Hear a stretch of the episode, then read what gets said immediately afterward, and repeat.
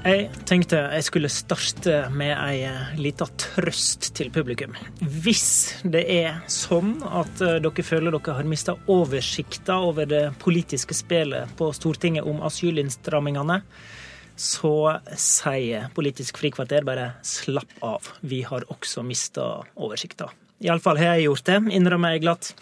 Hva med deg, Anne Marie Aanerud, rådgiver for Senterpartileder Vedum? Ja, jeg er eh, ikke helt sikker på nå hva som er eh, totaliteten i det som ble asylinnstrammingsinnstillinga. Fordi eh, alle jeg har snakka med som har sittet i møtene og som har fulgt debatten veldig tett, de er heller ikke helt sikre på det. Ok. Du Espen Teigen, rådgiver for innvandrings- og integreringsminister Sylvi Listhaug. Har du full oversikt nå? Vi har fått full oversikt over hva vi mener. Det er ingen tvil om. Men ikke hva de eh, andre mener? Nei, det er jo enklere hvis de, hvis de holder seg konsekvent, så klart. Da er det litt enklere for oss. Vi skal komme inn på det. Ja. Vi spiller inn denne samtalen torsdag formiddag. Vi er et knapt døgn unna avstemminga i Stortinget. Um, og med andre ord, Espen Teigen, du, du veit ikke per nå hvordan vedtaket kommer til å bli? Nei, ikke nå. Eh, det, det, gjenstår å se hva som skjer i salen i morgen. Hva for noen punkt er du mest usikker på? Nei, altså, eh, Man har jo signalisert fra de andre partiene. Først så signaliserte man når man la fram forslagene, blant annet Arbeiderpartiet og Senterpartiet, sa jo det at det her var stort sett en videreføring av rød-grønn politikk. Spesielt Giske sa det. Eh, I etterkant så har det vist seg at det ikke var eh, det som Arbeiderpartiet la seg på likevel. Eh, og da blir det jo selvfølgelig usikkerhet. Vi har stått fast på de 40 punktene som etter høringsrunden osv. Og, så og så har vi moderert noe, og så har vi stått fast på det vi mener mm. som er nødvendige innstramninger. Mm. Men de, de tingene som har vært mest diskutert, er jo enslige mindreårige, og familie. familiegjenforening. Er det du vet per nå ikke hvordan stortingsvedtaket blir? Det ligger jo an, da, ifølge det vi får ut fra media, mm. at Arbeiderpartiet og Senterpartiet er mot de innstramningene. Mm. Og, og, det, og, det, er jo trist uh, for landet, først og fremst. Men så har dere noen samarbeidspartier som dere heller enda per torsdag ikke veit hvor de stemmer? Ja, altså dem har jo, Venstre er jo rimelig tydelig, og mm. KrF er rimelig tydelig på, mm. på det. Mm. Så det er Arbeiderpartiet og Senterpartiet. Som, ja. Det er rett og slett i spill fortsatt. Det det. Eh, jobber din statsråd aktivt nå det siste døgnet for å sikre eh, et godt innstrammingsforslag, eller er det i stortingsgruppa sine hender alene? Det er stortingsgruppa som gjennomfører forhandlinger på Stortinget. Eh, så det er dem som sitter med det. Men hun heller vel kontakten tett, går jeg ut fra? Det kan jo tenkes. Dere er litt på Stortinget nå, kanskje? Akkurat nå er Sylvi ikke på Stortinget, men i regjeringskonferanse. Ok.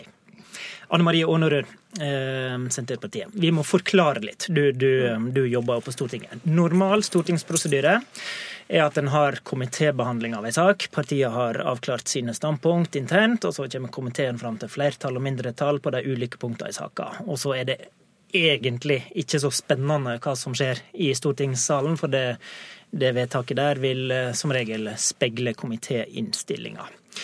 Og så kan vi også ha en ganske vanlig situasjon der det blir eh, forhandla om et forlik utenfor komitémøter. Eh, hvordan skjer det når, en, når det er på den måten?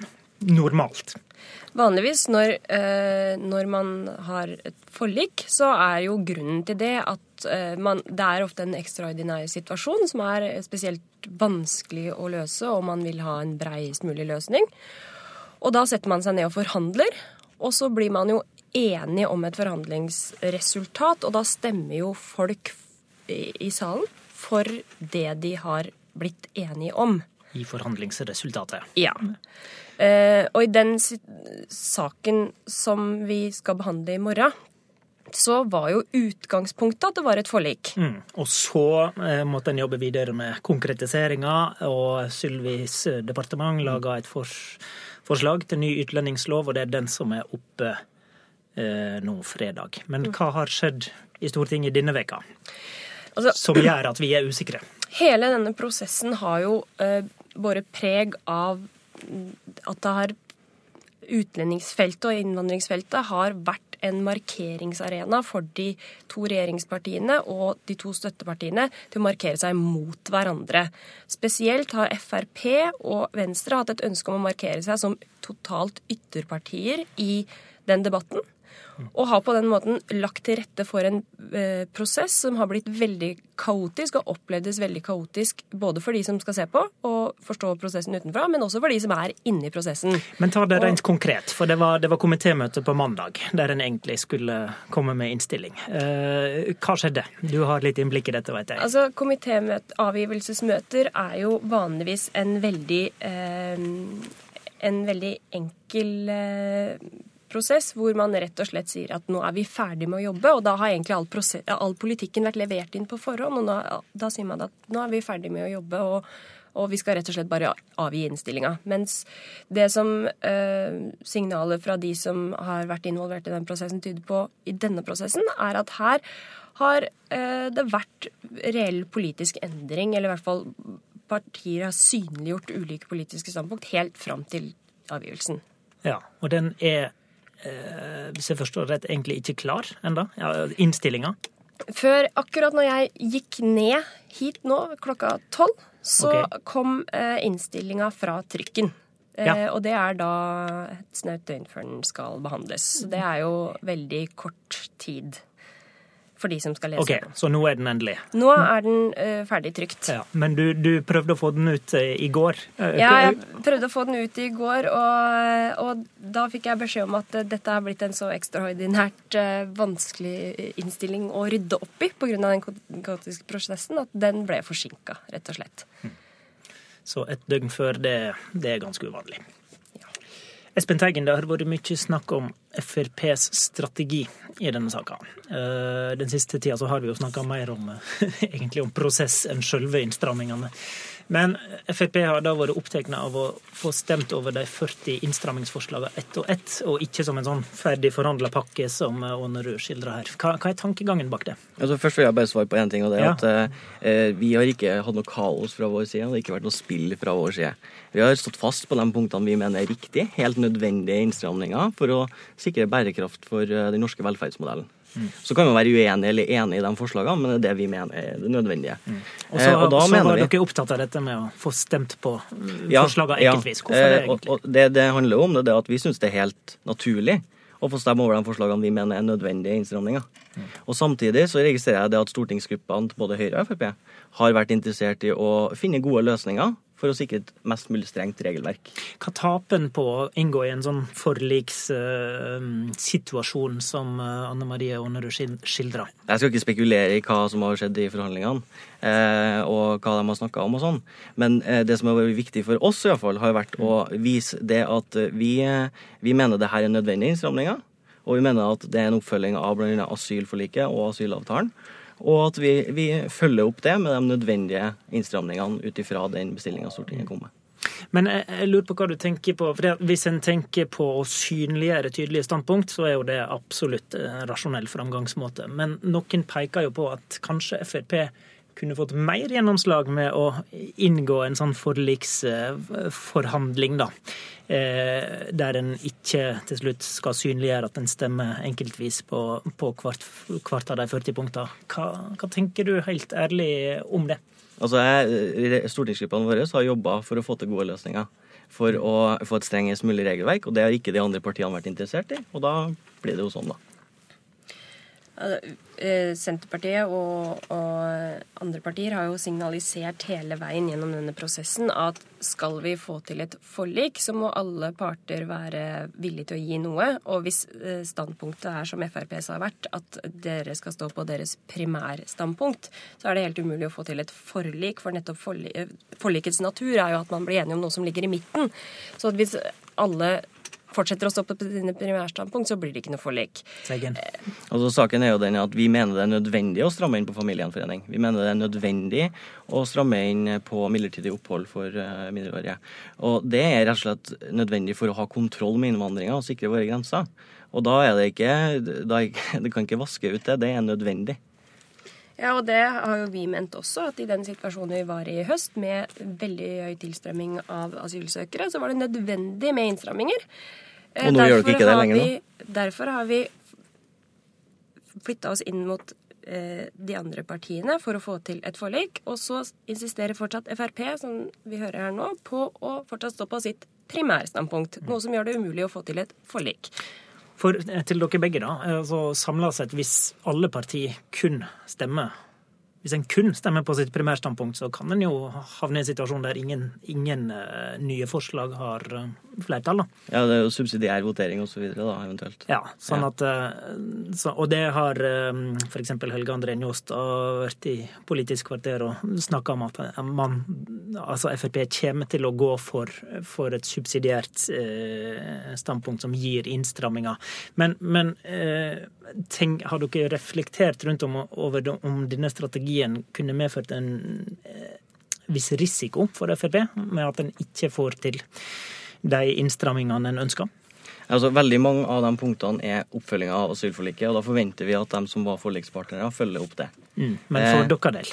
For vår del så er det, er det altså, eh, Det er ikke noe å kompromisse på når det gjelder de tingene som vi mener er helt nødvendig. Og da mener vi det er helt nødvendig at vi får lov til å stemme for, når vi mener det er grunnleggende for eh, innvandringspolitikken. Noen har pekt på at eh, Carl I. Hagen på landsmøtet tok til orde for en strategi der en skulle synliggjøre at en stemte for det en var for, sånn som du sier da. Mm. Mener du det har hatt um, innvirkning på måten Frp har opptrådt på i denne saka? Altså, det, Jeg tror ikke akkurat det var det som var avgjørende. sånn sett. Det viktigste for oss har vært det å, å få fram uh, det, det, som er nødvendige innstramninger. Altså, det, er jo ikke, det er jo ikke bare Frp det er snakk om, også regjeringa har lagt fram dem her. Mm. Eh, og man mener at det her er, er, grunnleggende for å få kontroll med innvandringa. En hører ikke på Carl I. Hagen i alle saker lenger? Carl I. Hagen kommer med mange gode innspill. Vi får si det sånn. Men Ånerud, det er jo et godt motspørsmål, dette. Hvorfor ikke faktisk stemme for det en er for, og mot det en er mot i salen? Nå er det jo sånn at uh, i et uh, Altså, det er noen saker hvor det er viktig å ha brei brei enighet og brei forankring i Stortinget om hvordan vi skal styre landet.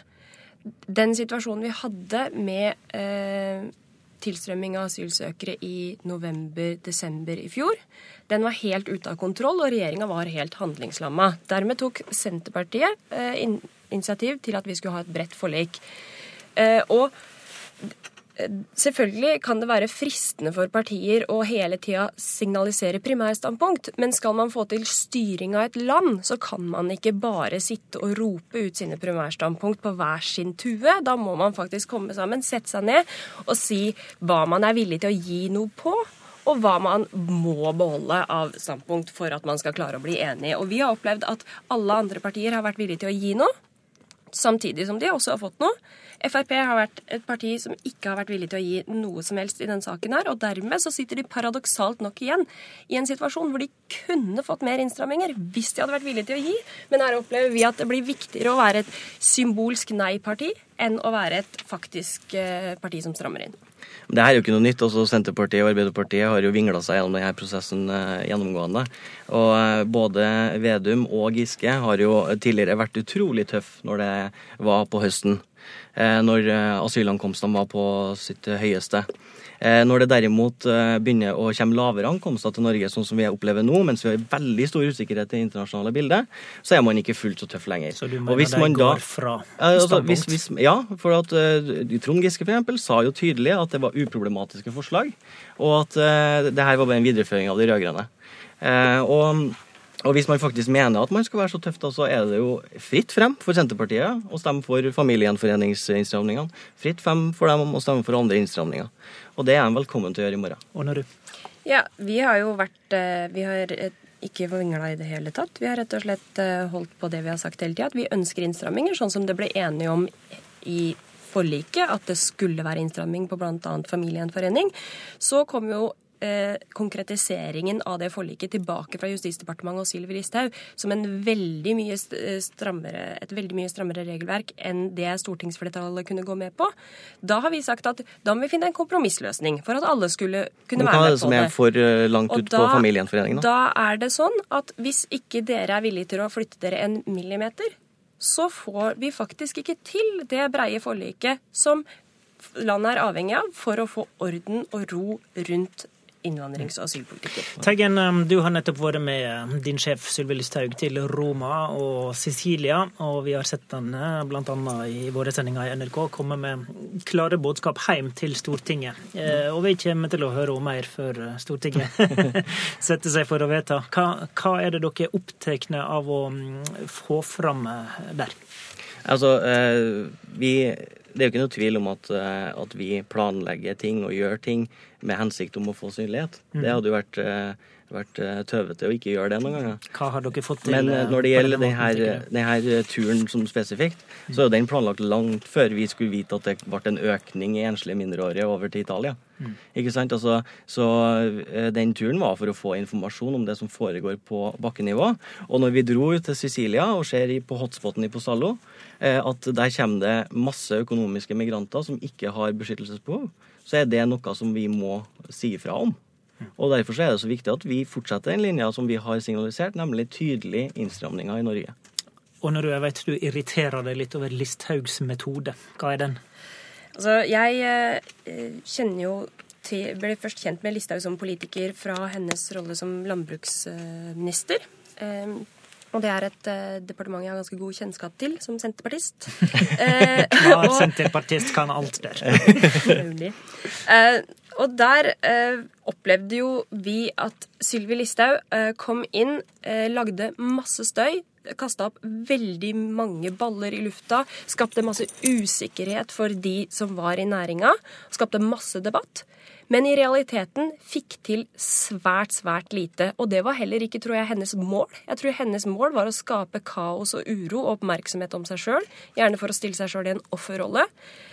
Men hun var ikke opptatt av å få saker gjennom Stortinget, og hun var faktisk den statsråden som fikk færrest saker gjennom Stortinget så lenge hun satt som Mener du den følger det samme mønsteret på dette saksfeltet, da? Jeg syns at det virker, eh, virker, veldig som at Sylvi Listhaug føler samme oppskrift her som da hun var landbruksminister. Hun er veldig opptatt av å få tabloide oppslag.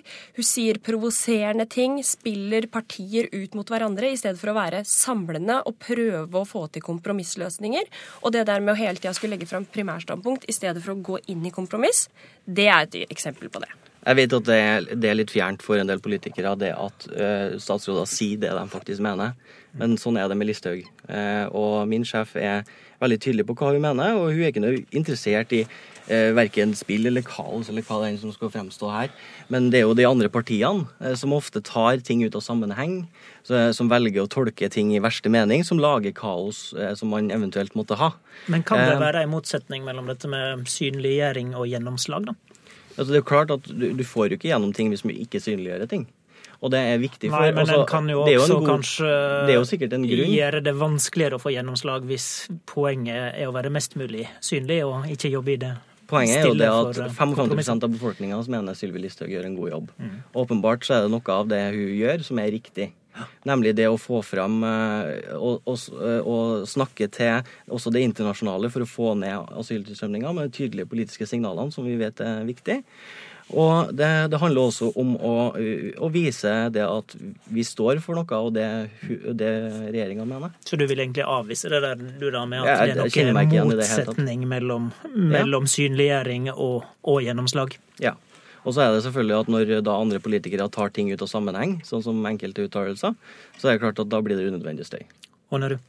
Her igjen så ser vi jo det velkjente Frp-trikset som kommer fram hver gang det kommer kritikk mot Frp, nemlig at det er FrPs politikere, FrPs statsråder, som er ofre. Det er andre politikere som er, som er urimelige mot dem, tar ting ut av en sammenheng, kjører dere for hardt.